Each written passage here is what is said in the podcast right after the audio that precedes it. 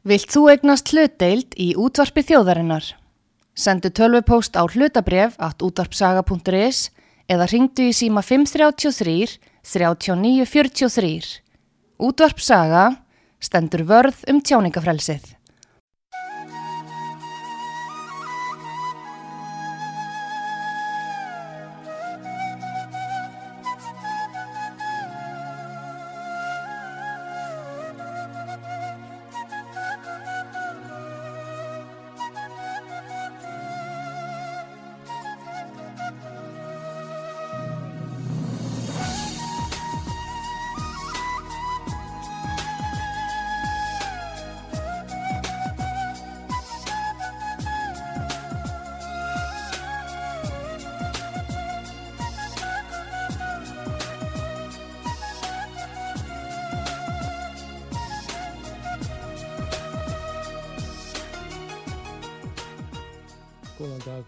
Hlustendur. Sýteist átturinn er að fara í loftið, já, eða framhald hans. Haukur Hauksson er hér við stjórnmjölinn núna. Uh, hjá okkur er Karl Híðin Kristjánsson. Hann er formaður ungra sósialista. Formaður eða fórsetið, það er spurning með titla og titla tók hér hjá ungumannum. Uh, hann er einni, hann er sálfræðimyndaður. Uh, er nú ekki óvanur fjölmiðlum þar sem hann er viðlóðandi samstöðina sem er nýrs nýr, uh, nýr miðill uh, best að kynna eða finna strax Karl Tíðin, velkomin Blessaður, takk Gaman fyrir, þig. takk fyrir bóðið. fínt uh, ungi sósialistar eru ekki tengdir vafki eða, eða því síður skulum, við segja samfylkingu, er það rétt skilið? Það er algjörlega rétt skilið, já. Við erum sprottin út úr einhverju öðru eða erum, erum kannski ansvar við því að þessi flokkar hafa mistekist í því að vera eh, hinga til allavega, finnst mér og okkur að mistekist í því að vera raunverulegir félagsíki flokkar sem, a, sem að setja áherslu á þau atriði sem að við trúum að munu bæta hag almennings í landinu. Þannig að eru, eru þá til dæmis, ok, tökum, tökum þá uh, vinstri hreyfinguna grænt frambróð, Tel, teljið þið þetta þá krataflokk, hæ- hægri krata eða, eða hvernig uh, myndu Mér varst nú Ögmundur Jónasson sem var nú eins og í öllna vinstri grænum segja þetta vel einhver tíman að hann tók það fram að vinstri græn núna eftir að hafa gengið inn í ríkistjórn með sjálfstæðisflokknum og gefið eftir eiginlega flest sín áherslu mál sko, sérstaklega hvað var það náttúrulega félagsíkjuna efnaðislega þegar þetta tala um uh, fjárlögin að þá er þetta bara reyfing frambóð það er ekkert vinstri nýja grænt við uh, flokkin eins og hann er og eins og hann starfar inn, inn í ríkistjórninni þannig að það, það er það sem ég vil meina að vinstri græna núna En manni finnst alltaf einkennilegt að því að maður er náttúrulega í ímsu eins og í samtökum hernaðaranstæðinga, það, það er mikið af fólki úr vinstri grænum og við erum sammálaðum við í sósælistafloknum. Mhm. Við deilum svipum hugmyndum en, en svo bara einhvern veginn er það þannig að hugmyndunar skipta kannski ekki alveg máli, uh, hugssjónin hverfur og brott fyrir stólana.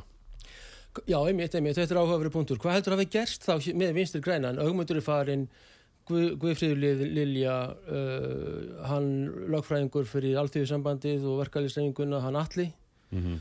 og mjög margt gól, fólk, gott fólk skulum við segja sem að vinstri grænir skulum við segja hafa mist og þá fyrir vikið hafa kannski orðið meira fólk sem er fyrir stólana eins og þú segir og frama, frama, já, frama gósar, frama pot, alls konar orð, kar karrieristar á en- erlendum málum. Er það rétt skilið? Já, hjá mér í þessu tilfelli að uh, það hafa orðið neikvæð hrinsun eða neik, neikvæðar þarna siktun Það held ég að sé bara því miður algjörlega og rétt, augmundur að sjálfsögðu. og við sjáum með þetta fylgir að búið að vera hrinja niður og, og það, mér var sérstaklega sláandi að sjá könnunum daginn sem sýndi fram á sko, hvers, öðna, tekju tíundunar í samfélaginu og hvert, hvar þau eru að kjósa og maður býst kannski við að svona hægri flokkanir sem að, sem að öðna, vilja læri skatta á uh, fjármastekjur og fyrirtekjur og svona, þau myndu vera með ríkasta fólkið að kjósa þau en, en rauninu núna var þeim svo að tekjuhesta fólkið er hlutastlega mest að kjósa í vinstri grænum eða réttar að sagt að vinstri græn er hlutastlega með hæðsta hlutfallið af uh, ríkum kjósendum sem er náttúrulega öfugt við það sem það var Mhm. á miklu leiti uh, og þau hafa snar minkað sérstaklega kannski eftir, eftir COVID en margir önguðu við sér strax þegar vinstri græn fóru í ríkistjóðina þá voru ma- margir sem sögðu sig úr reyfingunni meðal annars öll unglega reyfingin þeirra sagði uh, af sér, gekk Mhm. út Mhm. og nú hefur svipa gerst aftur með, öðna, sérstaklega með útlendingafrumvarpið að þar voru st- stóri keimarbæði inn í Vafki og í unglega reyfingunum sem gátt ekki tekið þetta í mál gátt ekki samþykkt þessa stefnu Mhm, mhm. og þau sögðu bara upp og núna síðasta uh, landsfundi VFG að þá, þá hlóðu eiginlega bara því að það væri nú enginn hér eftir sem að stendur gegn útlendingafrumvarpinu Hvaða hérna þróun er þetta þá eða hvaða tendensar með á vondum máli er, er þá í gangi í vinstri reyfingu, vinstri reyfingu Íslands sem að lengi hefur stu, stu, áttu við að etja sundrung og óvináttu og allt þetta. Er þetta eitthvað klassíst? Er þetta alltaf að gerast í þessari vinstri reyfingu? Reynd út sagt er bara miklu öðuldar að vinna með öðvaldinu frekar en að raunverulega fara að taka á málunum sem þú ætlaði að taka á. Þannig að þetta virðist bara gerast. Og þau, þau stæra sér nú á því vinstri grænum að hafa náð eh, ykkur í gegn til dæmis um kynrætt sjálfræði sem er vissulega mikilvægt. En þetta snertir ekki, ekki fjárlegin þetta snertir ekki buttuna sem er náttúrulega kannski aðalatrið þannig að það er miklu þægilega að, að, að samdaunaðir þig sem vinstri manniski við einhverja hægri flokka í ríkistjóttn og snert ekki fjárlegin en, en en sitja sem fastast á stólnum og sérstaklega á nærð tveim kjörtífumbilum og þá ertu náttúrulega á algjörlega uh, spikfeitum eftirleinan pakkar Jú, jú, jú, jú. en, en 3-5% af flokkur, það er svolítið skvítið hann sem er fórsættist á ráðu neytið Það er það, vissulega. Á Íslandi, á Íslandi hvernig hérna, hvernig, hvað, spáur einhver þá um þessa þróun eh, að þetta myndir batna skána í, á Íslandi með komandi kostningum eða eitthvað slíkt? Og... Mér sínist og er, mér líður svolítið vel með það að ég held að sósialismin og félagsíkjan, sósialismi beinþýðist sem félagsíkja, að hann sé að verða svona uh, meðtækilegri hjá fólki, að fólk sé að átta sig á því að við erum að koma úr kaldastriðinu og það er búið að leta ákveðna mynd af sósialisma fyrir okkur sem bara heldur ekki vatni. Þetta er ekki raunverulegt. Sósialismin hefur alltaf snúist um það að almenningur og allþjóða landana fái meira fyrir vinnuna sína og meira úr öðlundum sínum.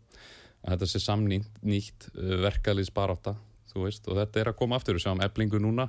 Uh, Ragnar Þóri Vaffer þetta er fólk sem að uh, verkaðlýs fóringar sem er að beita sér raunverulega í hagsmunabaratu sinni við uh, fjármæðsegjendur og eigendastjættina uh, og náttúrulega úr, úr kaldastriðinu, bandaríkin og sovjetríkin uh, það að vera sósilisti þýðir ekki að þú vilja sovjetríkin það að vera sósilisti þýðir að þú vilt meira líðræði, þú vilt meira efnaðslegt líðræði sérstaklega. Og, og þetta hefur mér alltaf þótt vera grunnurinn í sósilismanum að við, það var hér frönsk bilding uh, á átjöndeldinni og draumur hennar var að það erði frelsi, bræðralag og jöfnuður. En við sáum í raun ekki frelsi, bræðralag nýja jöfnuð, heldur sáum við öðna, einhver ákveðin svona takmörku pólitísk réttindi fyrir suma. En svo ferðu inn á vinnustæðinu inn í verksmiðinu og þá ertu algjörlega bara undir uh, vilja eigandans komið. Og þa þannig hófst verkefnisbarata lungu áður að, að Sovjetríkin komu eða, eða svona sósíalísk uh, lönd og það var sósíalismin og, og hann er bara að koma aftur, Guðsi lof, segi ég. Að við sjáum hvað ójöfniðurinn er að aukast hérna sérstaklega í vestrinu, almenningur er algjörlega skilin eftir og, og, og þessi risafyrirtæki eru farin að ráða bara öllu. Þannig að það, ég held að almenningur sé að átta sig betur á því að sósíalismi er leiðin til að berjast gegn uh, fyrirtækjaræðinu og fjármaksræðinu En þú, seg, þú vilt þá segja það og þú sagði raunin á þann að, að Vafgi í dag og reyfingin Vafgi og, og þeirra hæstu menn séu feitir þjónar auðvaldsins Er, er þetta, má, má, más hafa svona lagað eftir þér? Það, ekki eftir mér, nei, ekki, ekki svona beint sko, en, en þú veist, þetta er alveg hrigalegt sem þau eru að gera og þau öðna, ættu að sjá sóma sinni í því að, sprengja þessa ríkistjóð og fyrir löngu, löngu síðan, það eru svo mörg mál sem hafa komið upp sem áttu að vera og hefði átt að vera algjör uh, staksteit hvað þetta varðar bara þarna, þetta er búið. Núna útlendingafröðmarfi síðast en auðvitað líka bara hver einustu fjárlög þar sem að velferðarkerun eru áfram uh, vannrægt að það rættu þau að segja skilið við þetta. Mm. Haldur Larsnes sagði þessi spöku orð hér uh, barinn þræll er meiri maður en feitur þjótt uh, ok, gott mál. Uh, er þá, uh, hvaða flokk þá? Alvöru flokk í dag sem sagt ekki sem ungir og þetta myndir þú styðja þá í næstu kostningum eða slíkt?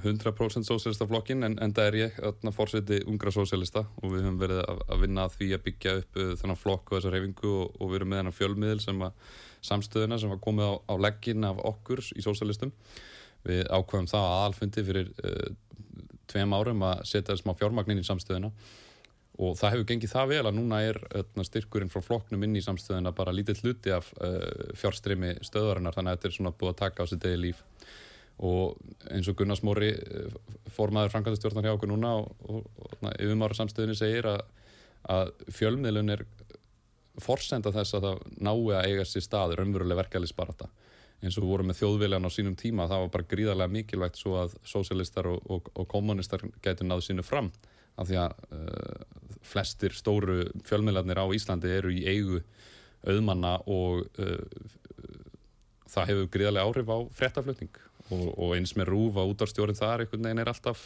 sjálfstæðismæður Já, það er merkilegt með rúfa að það, góðir svona debattar á vondumáli náttúrulega á fransku og þýsku og öðrum málum debatt, það er að segja deilur. Þetta var á ríkisútvarpinu undir stjórnu annara manna, já, hævar í að mínu mati og manna sem fóru eftir reglum stofnarunar. Ég gaggrinda að ég er að borga þessi fólki fyrir að vera fagmenn, fyrir að vera elitu viskunar.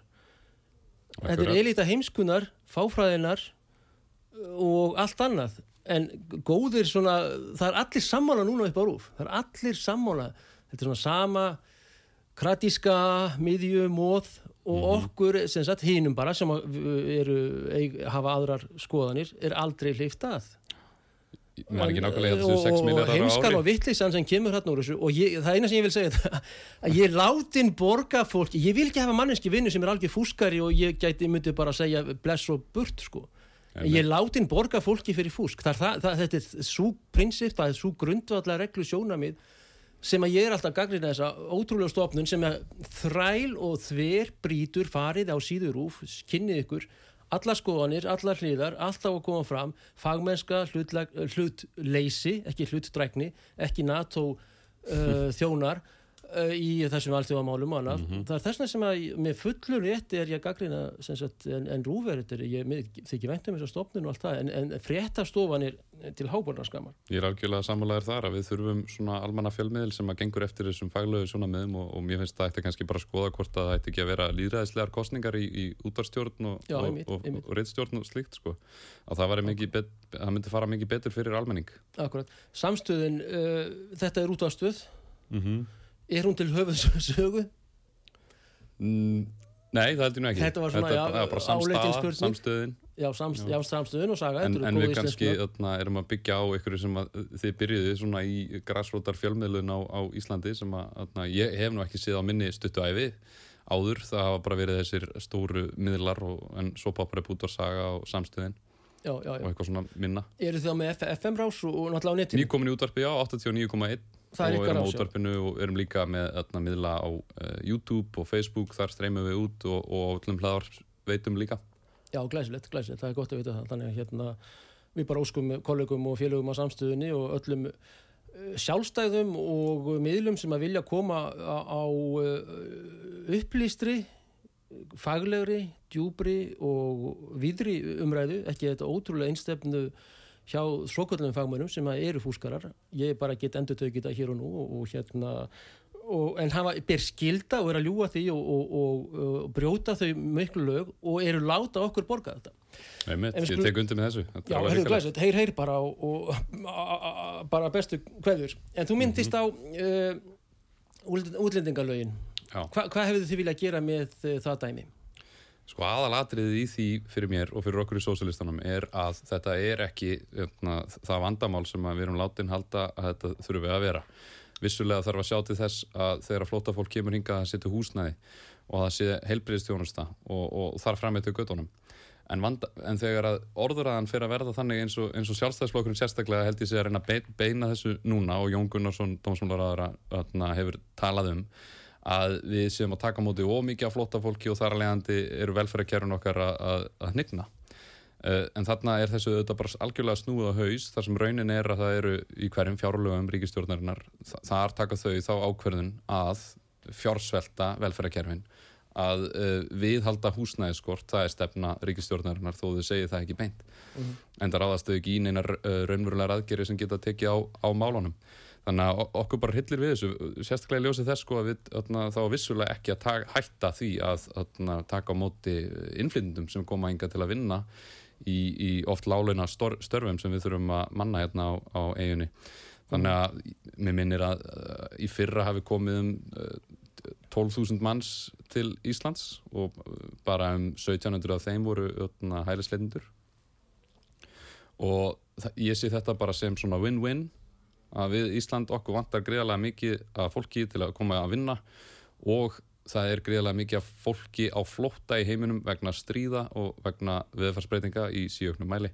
Og, og þarna eigum við bara frekar að taka móti færri innflytjendum en, en hjálpa flótta fólkinu og auðvitað að sko taka meira fjármagn þar sem það er að hækka skattana á til dæmis fjármagnstekjur hvernig gengur það upp að við öðna, launafólkið erum að greiða um 30-40% í, í skatt bara fast á hverju mánuði en fjármagnsegjendur borga 22% mm. þetta er bara, þetta er óbóðlegt Akkurat, en það hlýtur að þurfa að, að skamta eða stjórna flæði sagt, og í þessu sambandi þá náttúrulega er uh, segja þeir sem er á móti ykkar stefnu og sósjalistana grín, greinilega að menn vilja taka þá uh, reynslu Danmerkur til dæmis til hliðsjónar sem að Danmörk var ofinn mjög lengi og og Svíþjóð í dag og Suðu Svíþjóð kannski enganlega þar sem eru þessi gengja myndanir og gettóstofnanir í, í útkverfunum sérstaklega og, og auðvitað glæpir og annað tengt því.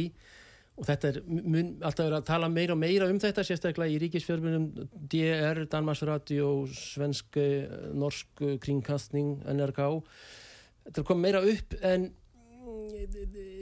teluru að uh, það ætti að vera hvað óheft, heftur ströymur Nei, nei, alls ekkert Við erum 8 miljardar en, okay, Það er risastór pláneta og það er mörg vandamál og, og það þarf að huga að þessu sameinlega sko, en eins og með svo mörg velframál að þá skiptir gríðalegu máli að fjárfesta vel af, í mm. byrjun af því að þannig spararu mestan penning til lengdar og auðvitað eins og, eins og gerist í Svíð og, og í í Þýskalandi að þarf að tekja á móti svo ótrúlega mikið af fólki að það ákveði hlutvall af þjóðinni sem að, sem að verður allt í hennu eh, frá, frá öðru landi að þetta hefur vissulega áhrif en, en ég held að í Svíþjóð hafi þau einmitt ekki fjármagnað nægilega vel uh, eins og þyrti og þau, þau na, það er kjánarlega stefna að setja uh, flotta fólk allt í sömu hverfi og, og slíkt sko, það, þetta verða svona fátakra hverfi en svo kannski stærri myndinni hvað þetta varðar þá þarf að ræða það af hverju komu all, allt þetta, af hverju kom allt þetta flóta fólk til Svíþjóðar og til Danmörku það voru stríðin í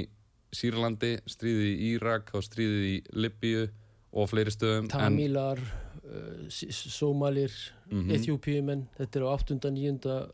7. áratögnum Júkoslavar mjög mikið í Svíþjóð og allt eru þetta lönd sem eiga það sameinlegt að verða fyrir barðinu á öðna, heimsins staðista uh, heimsveldi og upplugasta herrveldi á jörðinni sem eru Bandaríkin og NATO og Európa þjóðunar er ekkert síður uh, uh, um að þakka þetta. Eins og í Fraklandi að Guldforði franskara er í Fraklandi en hann streymir og streymir ósynilega frá mörgum Mali, Níker, Burkina Faso og mm -hmm. til Fraklands og þeir eiga ekki for, forða en, og eiga kannski þúsund námur samanlagt en frakkar eiga tæp þrjú tonn. Og þessi lönd eiga ekki kíló.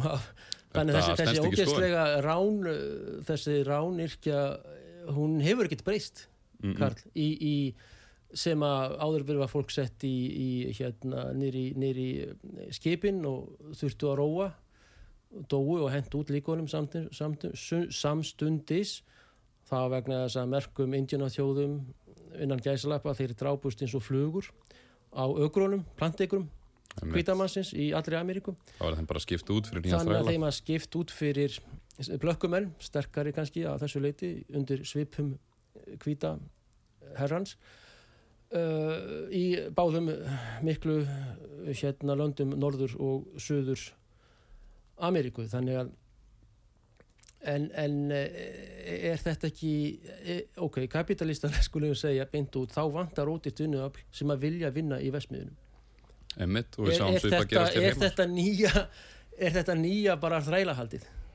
Þetta, þetta er klárlega minnstur sem hefur sérstaleg oft í gegnum tíðina, gegnum söguna alla, ekki bara frá því að kapitalismi hófældur meira þess að aftar, aftar til Rómaveldis þegar Róma búið að vinna Karþagóborgina og þá, þá voru þau komið með svona hegemonic uh, einvaldsstöðu í miðarahafinu og þá fór rómverska elitan bara að flytja inn öðna, þræla og ódýrara vinnuafl til Ítali og þá fluttu plepparnir allir inn í, inn í Róm. Þau gátt ekki unni lengur á, á, á landbúnar uh, á, uh, á landinu sko og voru sett inn í borgina Új. vegna þess að elitan bara var að missa sig í, í græðki og við, það er svipað að gerast hérna heima. Við erum að flytja inn innflindur í gríðalögu magni sem að eru á lágu launum og sætta sig við læri laun en Íslandingar myndi gera því að þau kannski koma hérna í nokkur ár og fara svo, fara svo heim.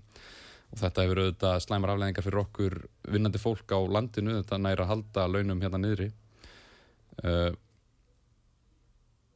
en það er einmitt vandamáli við og aðal orsök flottamanna krísunar og það er þessi heimsvaldastefna sem hefur verið stunduð bara óslitið frá upphafi kapitalismans uh, sem ég vil meina að sé, sé um uh, 1500-1600 og þarna stuttu setna kemur síðan uh, koma all þrælaðiskiptin en löndin í Afríku, við ætlum aðeins að tala um þau núna að þau fengu sjálfstæði kannski í orði en það var ekki á borði. Nei, nei, það var ekki í borði og þetta er upp úr náttúrulega setna stríði þegar þessi stórveldi er að missa en þeir, þeir sleppa ekki til tökunum af nýlendunum fyrir en 50 eitthvað, 60 eitthvað og fleira og jafnvel síðars Einmitt. og frakkar í Vietnam til dæmis að þeir uh, auðvitað taka Japanir með mikill grimd Kóriuskagan, Vietnam uh, Filipseyjars mm -hmm. Malasíu, Indonísíu gríðarlegu stór, stór í Suðustur Asju sem að Japanir tóku og þetta er að gerast fyrir byrjun setna stríðs.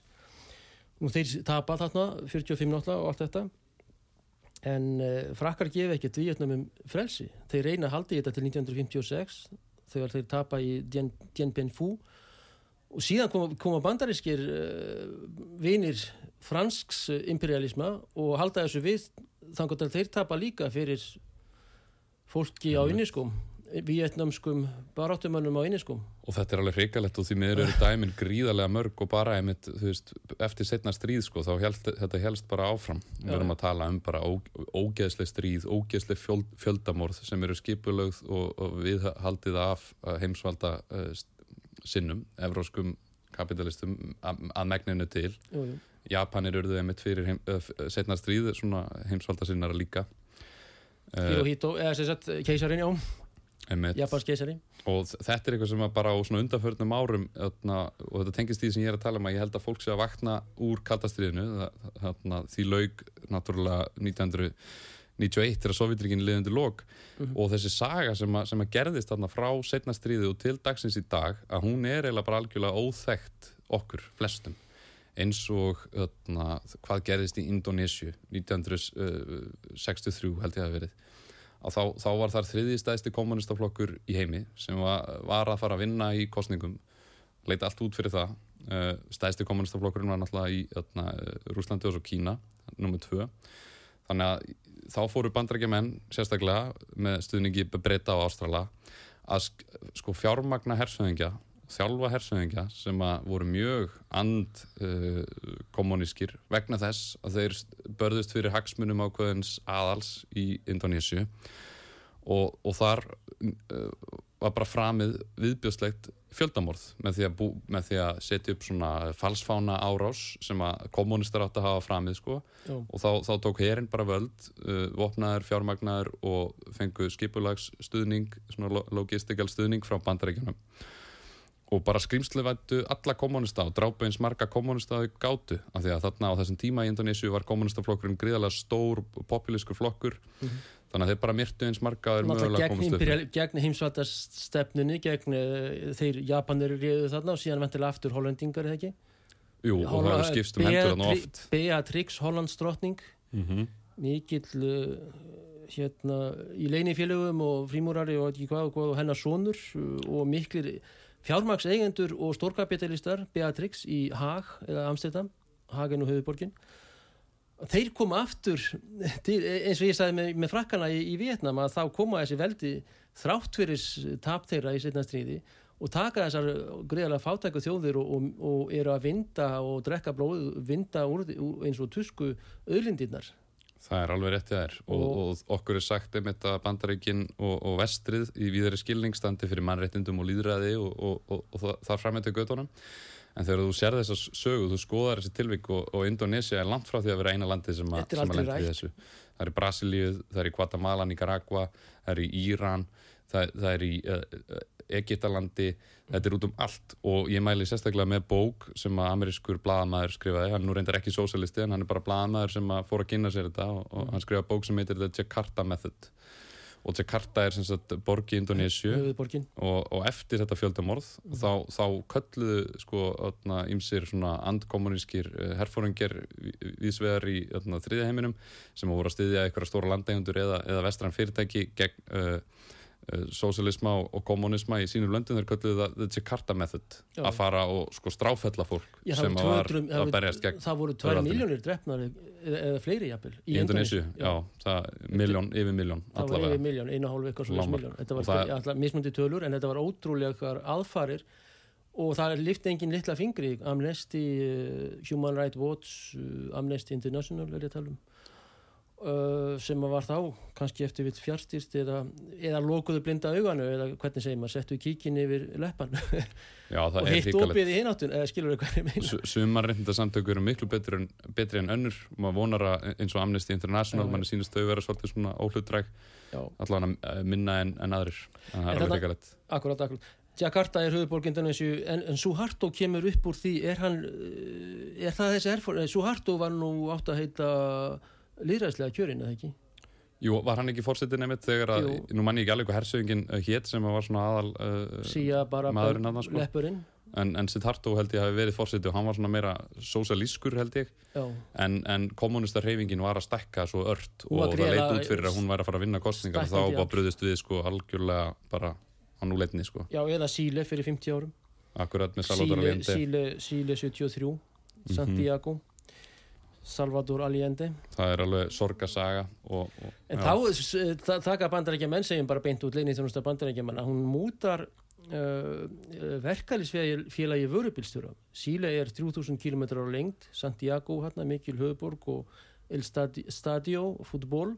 Uh, þar voru mikil óp og þeir brutu fingur uh, hans um, hryllileg saga. hvað heit hann aftur? Nú man ég gítarleikari ekki hvað tónlistamæðurinn hétt en Já. hann var, hann algjör svona alþýðu hetja og tónlistamæður og þeir brutu hendunar hans alveg niður í bara öðna, eitthvað slím sko, svo hann geti ekki skrifa uh, spila aftur á gítarinn. Já, á þetta gerist á, á aða leikvangi Santiago á Mhm. fótballtaleikvanginum sem eru þarna svo eru um kvelvingar og bankakvelvingar og sem voru líka notaðar en þetta var skelvileg saga vegna þess að Salvador Allende hann sigraði líðræðislega kostningar í, í, Santi, í öllu síle Mhm. eða allri síle, hún síle.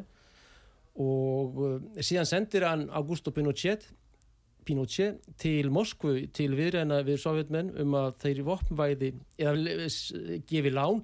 Salvador Allende fekk ekki eiri ekki, ekki ameríst sendt uh, frá AGS frá Alþjóða Gjaldriðsjónum þegar hann vildi samstarf við vestrið. Mm -hmm.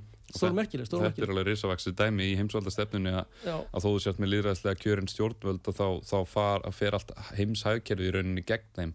Já, já, og þetta er oft svo nota til þess að segja sko, að þetta virkar ekki. Mhm. að, að því að efnahæðurinn þeirra er svo slæmur. En staðsti parturinn á útskýringu þess er einmitt að þau eru algjörlega skilin út undan úr heimshægkerfinu já, ég meina Alþjóða Gjaldriðsjónin og World Bank eða Alþjóðabankin í Washington að þetta eru náttúrulega stofnanir sem eru á papirunum mægilega fínar en þetta er, þetta er verkværi, þetta er instrument sko, til þess að halda niðri þessum uh, já, þjóðum og ríkistjórnum sem að svo er náttúrulega komnir fleiri og fleiri uh, stjórnir og annað, þetta er kúpað út eins og í, í Pakistan, hann Imran Khan fyrir ári rúmlega kannski.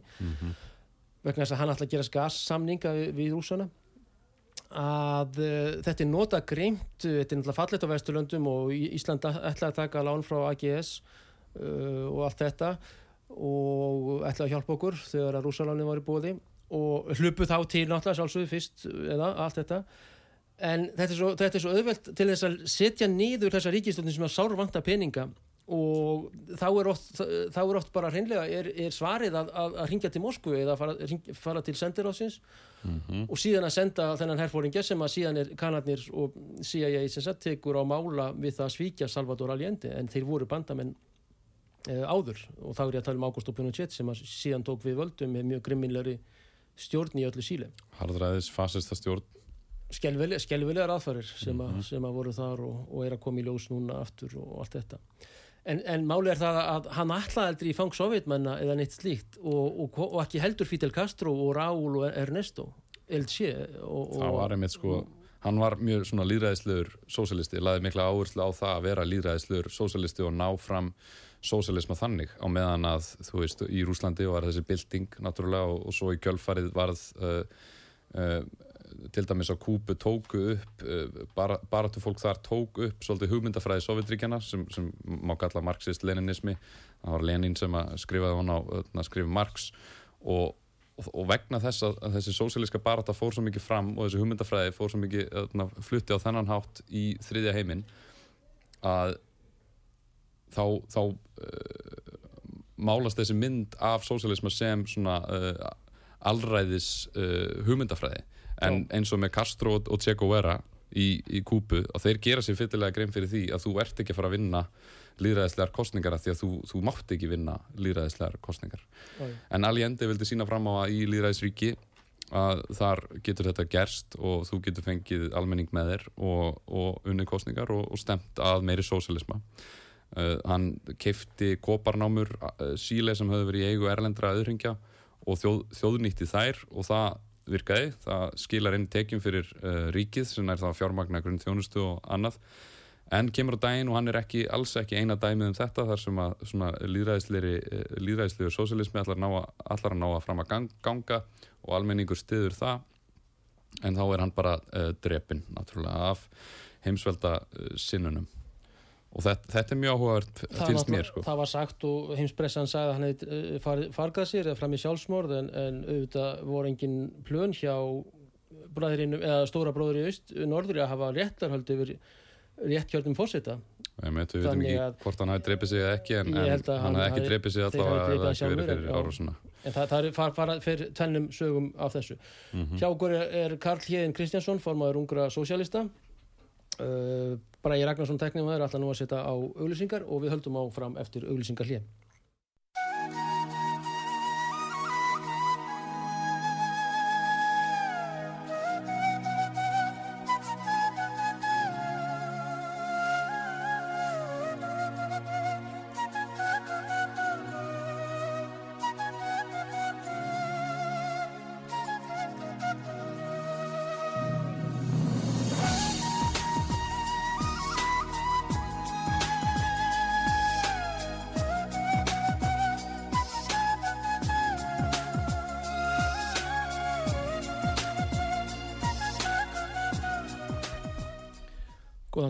góður hlustendur. Hér var Bræði Reynisson að uh, lekka nýri læginu góða. Uh, það, ég misfór, misfór uh, með, eða fór rámt með uh, föðunafnið. Reynisson skal áreita og afsakað hér. Og hann bróðsir hér handanglers og þykir þetta þið besta. Uh, Karl Híðin Kristjánsson, uh, við vorum að tala formaður ungra sósælista. Við vorum að ræða um ástandið í Suður Amerikum. Mm -hmm. Síle, Salvador Allende. Síle, Salvador Allende Fidel bræður á, á Kúbu og fleira Þú... Það er eitt punktur þarna sem ég held að -hmm. sé mikilvægur fyrir okkur átt okkur á núna, sérstaklega sko í dag, það sem er að gerast í, í, í Níger og í Mali og í Burkina Faso að sko Tjad, já, já. Já, þessi mm marxist-leninismi sem var til eftir rúsnesku byltinguna, hann var svolítið fluttur út af Sovjetríkjanum til þriðja heimsins og þau voru að hvetja þau til að berjast gegn nýlendu herrunum og, og menn eins og Castro sem höfðu kannski reynd að, að feta hinn politiska vettfang til að sko bæta landið sitt, þú veist, en, en þeir voru bara stoppaðir, þú veist, þú kennst, þú færði ekki að vinna kostningar, þú færði ekki að byggja sósialisma þannig að þeir taka upp vopn og taka upp marxist-leninisman og segja við ætlum að henda þeim út og við ætlum að byggja þjóðina í hag alþjóðunar, almennings bara þeir sem að fengi lúsarlaun og hinn hin, hin miklu stóri massi sem að fekk 1% 5% gæða sko Einmitt, já, já, í, kúpu, í Kúpu var það orðið þannig að þú varst með harðræðistjóra þarna Batista og hann var að flytja inn bara erlenda glömgosa og, og, og auðmenn sem voru þarna bara að sko dríja hór og, og gera allan viðbjóð og hann allur sko vaðandi peningum en gæti ekki lagt sko land uh, eh, ramaslínur út, út á landið og vassleiðslur og annað sem var eitthvað sem að Castro þau gerðu beint sko. Helsta hóruhús heims bara við sko getum sett þetta beint einmitt, út og byggjum stafsökunar fyrir, fyrir hérna góða hlustendur en uh, fyrir bandarækjaman fyrst og fremst aha. En þetta var einmitt sko og, og, og í vestrinu þegar við tala um sósialisma og sósiliska hreyfingar í vestrinu þá voru sumir sem að sko uh, tóku þann legg að þú verður að bara heia vopnaða baráttu gegn auðveldinu af því að hún mun ekki leifa þær að vinna já, já. en aðrir voru að segja nei, nei, nei þú verður bara að sannfara almenning, þú verður að þarna, fræða þau og fara þessa líðræðislu leið sem er náttúrulega það besta að gera Mhm. en svo þegar Salvador Allende mitt nær þessum árangri, sérstaklega því að hann var svona fólk tengdi einhvern veginn við hann í vestrinu hann var svona líkur okkur að, að mörgu leiti uh, en hann er bara drepinn, þú veist og þá, þá segja allir marxist-leninistandir við hína sósélistana sko, sérðu, það, þetta gengur ekkert upp Mhm. En það er dýpri punktur í þessu sem, sem snýra því sko að eins og það sem er að gerast í Níger núna að þar tekur herstjórn bara yfir landið og kastar út frökkunum bannar útflutninga á, á gulli og, og, og úraními til uh, frakkana. En áhugavert nokk að, að The Economist, breska blaðið gerði uh, skoðanakönnun þarna í Níger og það, það kom í ljós að 70% almennings í uh, Níger stiður herstjórnina af því að þau, þau bara eru þetta er eitt fátakasta land í heimi. Þau eru farin að vera meðvituð um hversu mikið auðlindum þau eiga. Akkurat. og sömu sögu var að segja um uh, marxísku og uh, leninísku byltingarnar í, í Kúbu og fleiri stöðum í heiminum þar sem að uh, fólk bara hendi, hendi uh, heimsvaldasýrunum út og fór að uh, þjóðnýta bæði sko uh, uh, vin, uh, vinnuna og auðlindunar En í Níger, svo við förum frá mið, og Suður Ameríku yfir til Afríku, hinnar mark þjáðu fallegu heimsálfu, að þá er nýr faktor eða nýtt, já, dæmi, það eru vagnarsveitinnar. Það verður að segja þetta bara beint út og Mhm. ég þekki þetta talsvert vel að ég held að í Níger og að þeir hefðu sett Mohamed Bazoum frakkarnir og fransku útlendingahersveitirnar þeir hefðu sett hann sem að var fransk dúka eh, dúka stórfyrirtækjana forseti og, Níger, og, mhm. og þetta gulldæmi og gull, þeir gera gullið, frakkar flytja inn þeir gera úranið flakkar flytja inn og það verður kalt í öllu Fraklandi í vetur.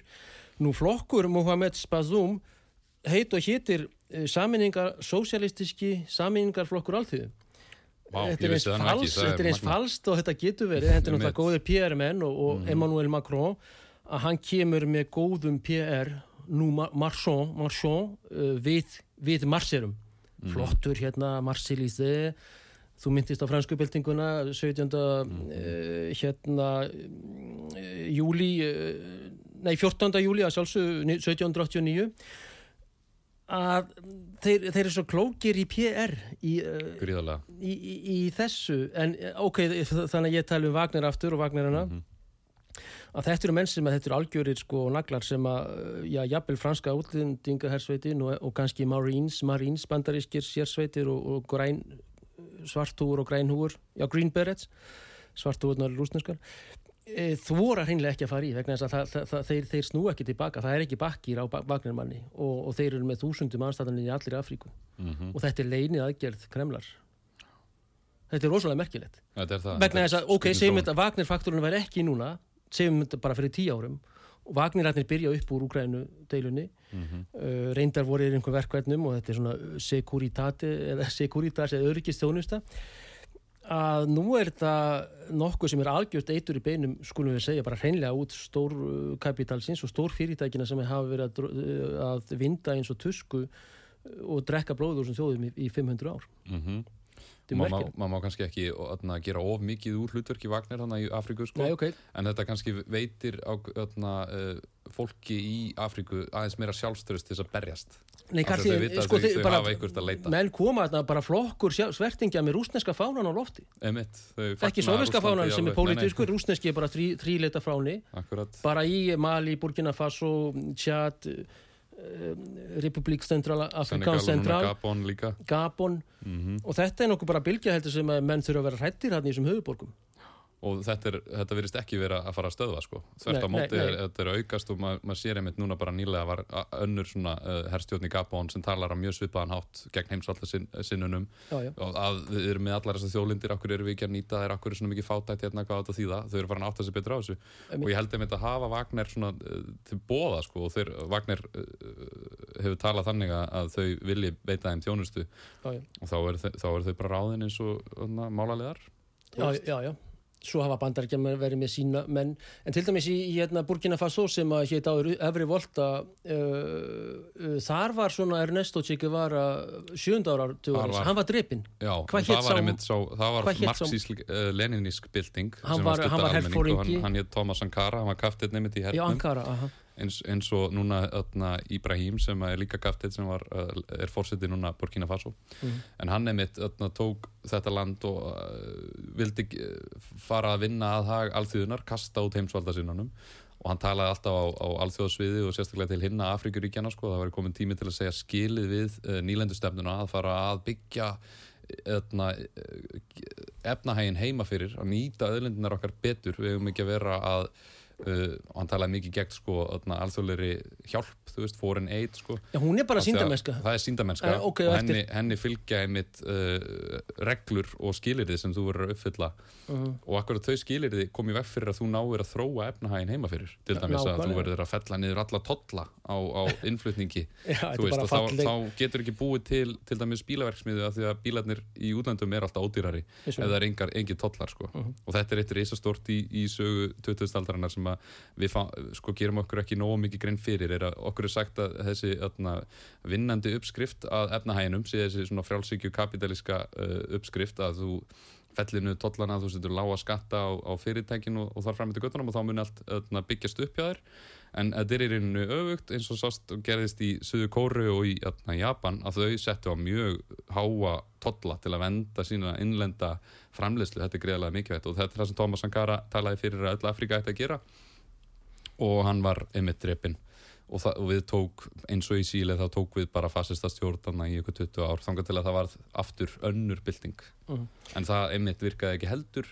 Þannig að núna erum við komin hingað í enn aðra byltingu Já, þetta, að- þetta síður og síður upp úr í þessum sérstaklega kúuðu, ógeðslega kúuðu, sérstaklega frökkum. Það er merkjöld hvað frakkar eru og Emmanuel Macron, sonur uh, bankavaldsins og Rothschildari. þau hafa verið Muammar- Vestur Afríku mikið þau hafa átt Vestur Afríku bara. Frakkar, já, Já, já, og hún er töluð þarna en, og þeir fóru aldrei neitt þó er eftir stríð og, og allt þetta. En svo er Muammar al-Gaddafi sem er í, í Líbíu og þar var mikil árás sem að, já, frettastofa ákveðina stofnunar vísvitandi gleymir alveg að tala um. Arabíska vorið, arabíska vorið norski flugherrin í söður Líbíu sprengir upp eina mest og öflugustu vats um, bóls uh, aðgerð og undir stjórn uh, Stoltenbergs mikið bróð Norge. Heia Norge sem er núna er aðalrítari saminnið þjóðun eða framkvæmdastjóri eins og sagt, nei hérna NATO en þá, það getur vel verið að hann færi sig þarna yfir til New York frá Brussel og allt þetta en, en Gaddafi var með mjög öfluga stefnu allt frá því að hann ræni völdum sem ungur uh, lautinant eða liðsfóringi 67 er ekki? Og, en, jú, og aftur með og það, þá er NATO sem að fer þarna NATO með aðstóð samfélkingar Íslands Össurar, Skarpeinssonar Háttvirtur, Solus Solvegar, okkur til ævarandi skammar. hérna Ingibjörg Solrún Gísladóttir þetta fólk fer og sprengir upp bestu og, og Gaddafi ætlaði að senda þetta til Tjad, Níger, Mali, Somalíu hann ætlaði bara að brauðfæða Afríku af vatni vegna þess að vatni hefur verið skortur og hann ætlaði að taka upp Afríku dínara. Hann ætlaði að fara úr US dollar í olíuviðskiptum. Og það var hans banabiti eins og Saddam Hussein sem ætlaði að fara frá dollaranum Hann eins og, eins og Thomas að- Sankara í Burkina Faso var mikill svona pan-afrikanisti að hann vildi hjálpa allri Afríku að frelsa, frelsast. Pan-Afrika, góður hlustendur, þýðir öll Afrika, pan. Já. Mhm. Þetta er notað í ymsum orðum pan, pan-slavinismi og, og við í vestrinu, við erum ekki hrifinu harstjórum við viljum líðræði, við viljum borgarréttindi og eða það segjum við allavega. Uh, valdháar okkar virða það ekkert mikið. En Gaddafi, þó hann hafi verið einræðisherra þá, þá sko var hann með efnaðas uh, stefnu sem að snýri bara að því að bæta hag almennings í þjóðinni. Hann, hann setti með þetta af stað þetta risavaksna innviðaverkefni að, að færa vatn um alla eðumörkina, þetta er bara gríðarlega magnað verkefni. Það stæðsta sem sko stæðsta innviðaverkefni mannkynsins á sínum tíma þannig þegar var verið að byggja þetta. Mhm. og, og þetta var öðna, þetta var allt sprengt upp Þetta var sprengt upp af NATO herjum og með, með góðvild ákveðina stopnana ákveðins fólks á Íslandi hér í dag sem að sitja hér í Reykjavík vonandi við góða hilsu og allt þetta en, og en samvis, samviskan er kannski spurning bestu köður yfir. Uh, til ykkar. Uh, en þetta var náttúrulega ótrúlegt og, og þetta var kallað Arabíu vor og, og, og, og, og ef, að, sko eftir málin af þessu það er uh, sko það fór ekki manneskja yfir hvorki Líb, Líbíumadur niður frá Siðri Afriku þetta er í Sahara, Líbíu er stort og mikið ríki á bátum yfir til Gibraltar, eh, Greiklands Möldu, Ítalíu, mm -hmm. Söður þú veist, Fraklands núna er þetta bara þúsundur á degi hverjum Og en hvers vegna var NATO að þessu? Hversla stopnum er þetta? þetta bara, svo er NATO, það er að tala um NATO bara þetta eins og þessi saminu þauðinar og, og, og það bandala sem stöður stuðlaði mest um friði. Mm -hmm. og svo er magnað hérna heima sko, þá er alltaf talað um NATO sem varnarbandalag. En það, það er ekki eins og niður gert sko í Evrópu. Þar er, þar er talað um þetta sem bara svona military öðna, cooperation, þú veist, þetta er hernaðarbandalag sem já, það er. Og, þau, og þeim já, já. ástæðan fyrir því að Gaddafi uh, var tekin út hreinlega er vegna þess að hann var að ná að byggja upp svona uh, alternativ, einhvern annan valkost fyrir Afrikum nákvæmlega, nákvæmlega. að sína fram á að þetta er hægt þeir voru skítrætti við hann Mjög. þetta byrjar hann að gera strax upp úr 67 þegar hann fremur sitt valdarun og byltingu hann var mikill pan-afrikumadur hann sem sagt fyrir alla Afriku kvíta, uh, kvítu arabana í norðri og, og, og blökkumenn í söðri sem sagt mikill pan-al-Afriku sinni og það voru ekki í stórbankvarnir, hann hendir þeim út hann hendir Exxon, Shell, uh, Mobil mm -hmm. British Petroleum hann hendir þessu út þjóðnýttir ólíunar hinnlega það voru ekki vextir í bankunum uh, fjölskyldur fengu íbúður ókipis þau fengu einhverja já, nokkur 10.000 uh, dollara sem sagt í dínurum að sjálfsögum með fyrsta barni mentun, heilbreyði og allt var ókipis sem sagt í lípi og þessu var ústað með þessum hætti og þessum afleðingum sem við erum að ná, nú að sjá fyrir Evrópu. Þetta er náttúrulega bara ólýsanlegur hryllingur sem við höfum... Og aldrei talað um þetta, já, já, arabiska voruð, einhver misvítur kona þarna, uh, sko, ég þúli, þetta er svo, þetta fer svo í töðan og ég er, að, ég er að borga þessu, Karl Híðin, laun fyrir að vera sérfræðingar, fyrir að ljúa að mér. Það er bara þessi grundvallar sem ég, ég bara sem manneskja, sko, ég hlusta nú mjög sjaldan á þessu stofnun.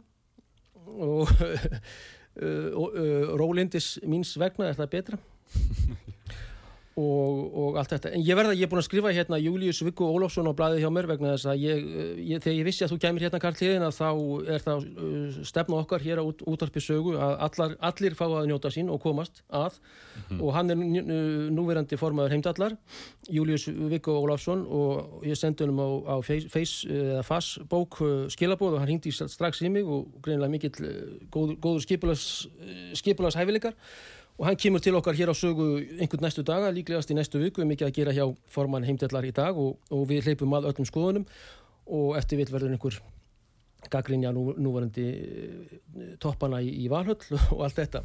En uh, að lokum, uh, þú myndist á kynbundin uh, dæmi á Íslandi sem að þið ungi sósilistar er ekki sáttu við hjá Vafki þá, eða hvað? Kynbundin, hvað meinar?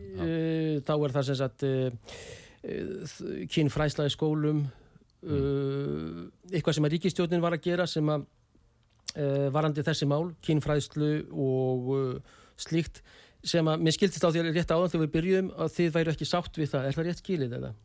Nei, það er ekki rétt skilið, við höfum ekki, ekki verið sérstaklega mikið að, tala um þetta Við, Já, þetta er ekki neitt Við umhverjum sósilistanir sendum frá okkur uh, fordæmingu á uh, pisli sem byrtist í morgumblæðinu vegna þess að þar var ásakað sko, uh, allt hins eginn fólkum að vera einhverju perrar Já. og það, þar er dreyði línuna en við einbyttum okkur alltaf fyrst og fremst að stjæta barátunni Já, þetta er önnur, þetta er mikri mál sem að eru já, að Því að allþjóðan og almenningur fá að njóta góðs af því öllu sem við sköpum hérna á landinu, það er grunnurinn að þessu öllu eins og með flottamanna uh, flottamanna ströyminn mm. að þar verður að taka á kapitalismannum reynilega eins og að byrtist okkur núna í, í heiminum öllum. Að án þess að gera það þá verður bara flottamanna streymið meira og það er bara ekki bóði að gera ekki neitt fyrir þetta fólk Nákvæm. sem við erum, okkar þjóðir eru að, að rústa.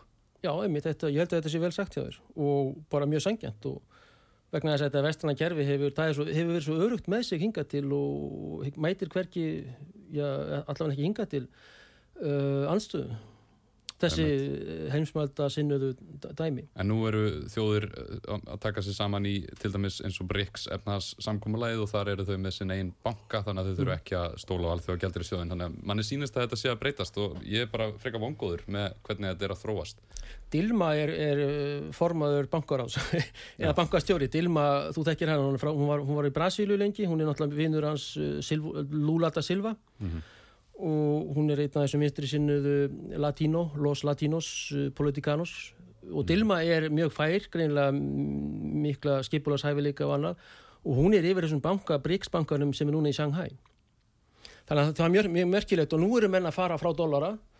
Nú Evran náttúrulega hefur ekki hælana eða tætnar þar sem að og Evran er ef- ef- eftir vilja nýðuleið hún er náttúrulega henni stjórna frá Frankfurt og Brussel. Deutsche Bank er náttúrulega aðal byggingin það er eitt sem ég vildi spyrja að lókum sem er svona mín kenning skulum við segja. Það er það að til þess að minka byltingakraftin eða mótmálakraftin hjá uh, fólki þá séu sett upp sér uh, dæmi þar sem allir þessu mótmálakraftur fer. Uh, hún sænska hérna táningur Greta Thunberg hún mótmælti aldrei bankavaldinu hún mótmælti aldrei uh, ofurvöxtum eftirvilli svíþó líka skulum við segja nú krakkar hér er að mótmæla klíma, eh, hérna, klímat það er að segja mm, loftslags en er þetta einhver Sko. leit er að rétt tilgáta hjá mér sem sagt, bara Já. persónulega að byltingarkrafturinn, að baráttu þrekið og, og þetta er svona þessi orð sko, eða við skulum segja já þú varst að tala um byltingar þarna í þessum kúiði þjóðum á öllu suðukveli allt frá Indonésiu til Síle. Uh, sé til þess að taka þennan baráttu þrek og kraft uh, og hjá mjög færu fólki skipuslega séð til að taka máttinn úr mótmæli gegn því sem að uh, er gegn alþjóði manna almenningi, ungu fólki og þess áttar Því þú veist, hún- fólk með fána klímat, klímat hérna.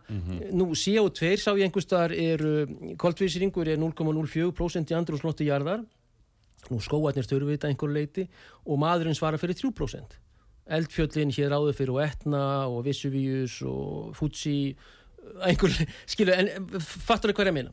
Getur Mér langar fljótlega snert á því að, að það magn koldusýrings sem við erum að setja út í loftið er að breyta því hversu mikið af koldusýringnum er hlutvarslega í loftinu, í lofthjúpnum. Og þetta er mikið meira en það sem að eldfjöllin er að, er að gera. Mikið meira og þetta er að hafa miklar og vittaka breytingar á, á viðfarinu en það er því miður algjörlega rétt að öðna, Bandaríkin og Vesturlönd um, meira uh, almennt hafa í gegnum tíðina, mikið á 20. stöldinni fjármagnað ímsar svona reyfingar til, til þess að afvegalega fólk frá raunverulegu uh, baratunni sem, sem sko öðna, auðvaldið vil alls ekki að við tökum þátt í sem er stjættabaratan já, nákvæmlega, nákvæmlega þau, þetta til dæmis mikið, öðna, mikið að hippunum á Já. 20. stöld í bandaríkjunum og þeir voru í raun sko fjármagnaðir og stuttir af uh, bandarísku leinithjónustunni af því að það var markmið hjá leinithjónustunni sko að afvegalega fólk frá mótmælum gegn Vietnamstríðinu, mótmælum fyrir félagslegu réttlæti og koma þeim yfir í eitthvað svona uh, sjálfskoðunar uh, uh,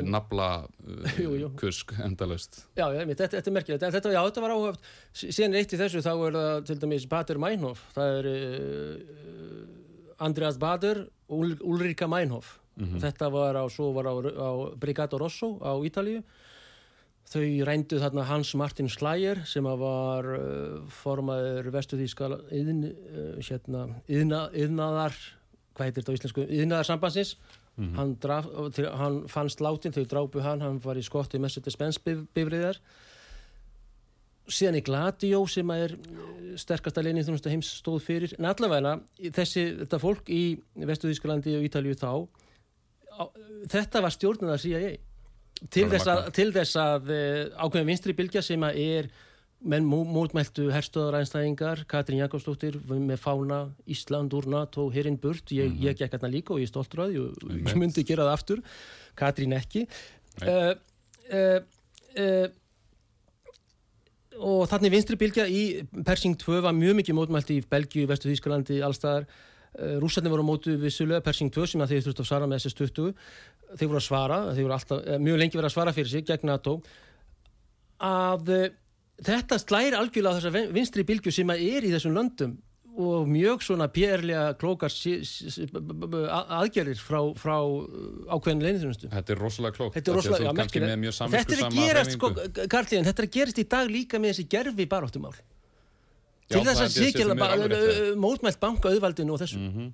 Ertu samanlega þessu? Ég er Þetta er bara loka þetta er mjög- punkturinn hjá okkur. þetta er mjög erfitt sko því að ma Já, maður þetta þarf er líka merk- að standa með, maður þarf að hattursordraða er önveruleg þegar þú segir til dæmis að allt flótta fólk sé glæpa hiski, ef Já, þú segir já, það, það já. er hattursordraða, skilur þannig að maður þarf að standa gegn því en, en, þetta er það sem auðvaldi reynir að gera þau reynir að reyna að tvístra okkur í miljón litlar um, mismunandi áttir svo við getum ekki saminast í samvinsku samri reyfingu sem tala fyrir sjálfsögðum uh, hlutum. Svo svo auðvelt að augra provokasjón sko, augra þetta upp og setja hvern höndu á fætur á móti annari eins og Ísland og NATO herin burt ykkur samvinsku sem reyfing sem er með einfalda kröfu og svo, svo myndur við kannski fjármagna að brjálæðinga og styðja þá og þeir fara allt og langt og almenningur uh, jú, jú. vill ekki heyra meira Takk hjá lega.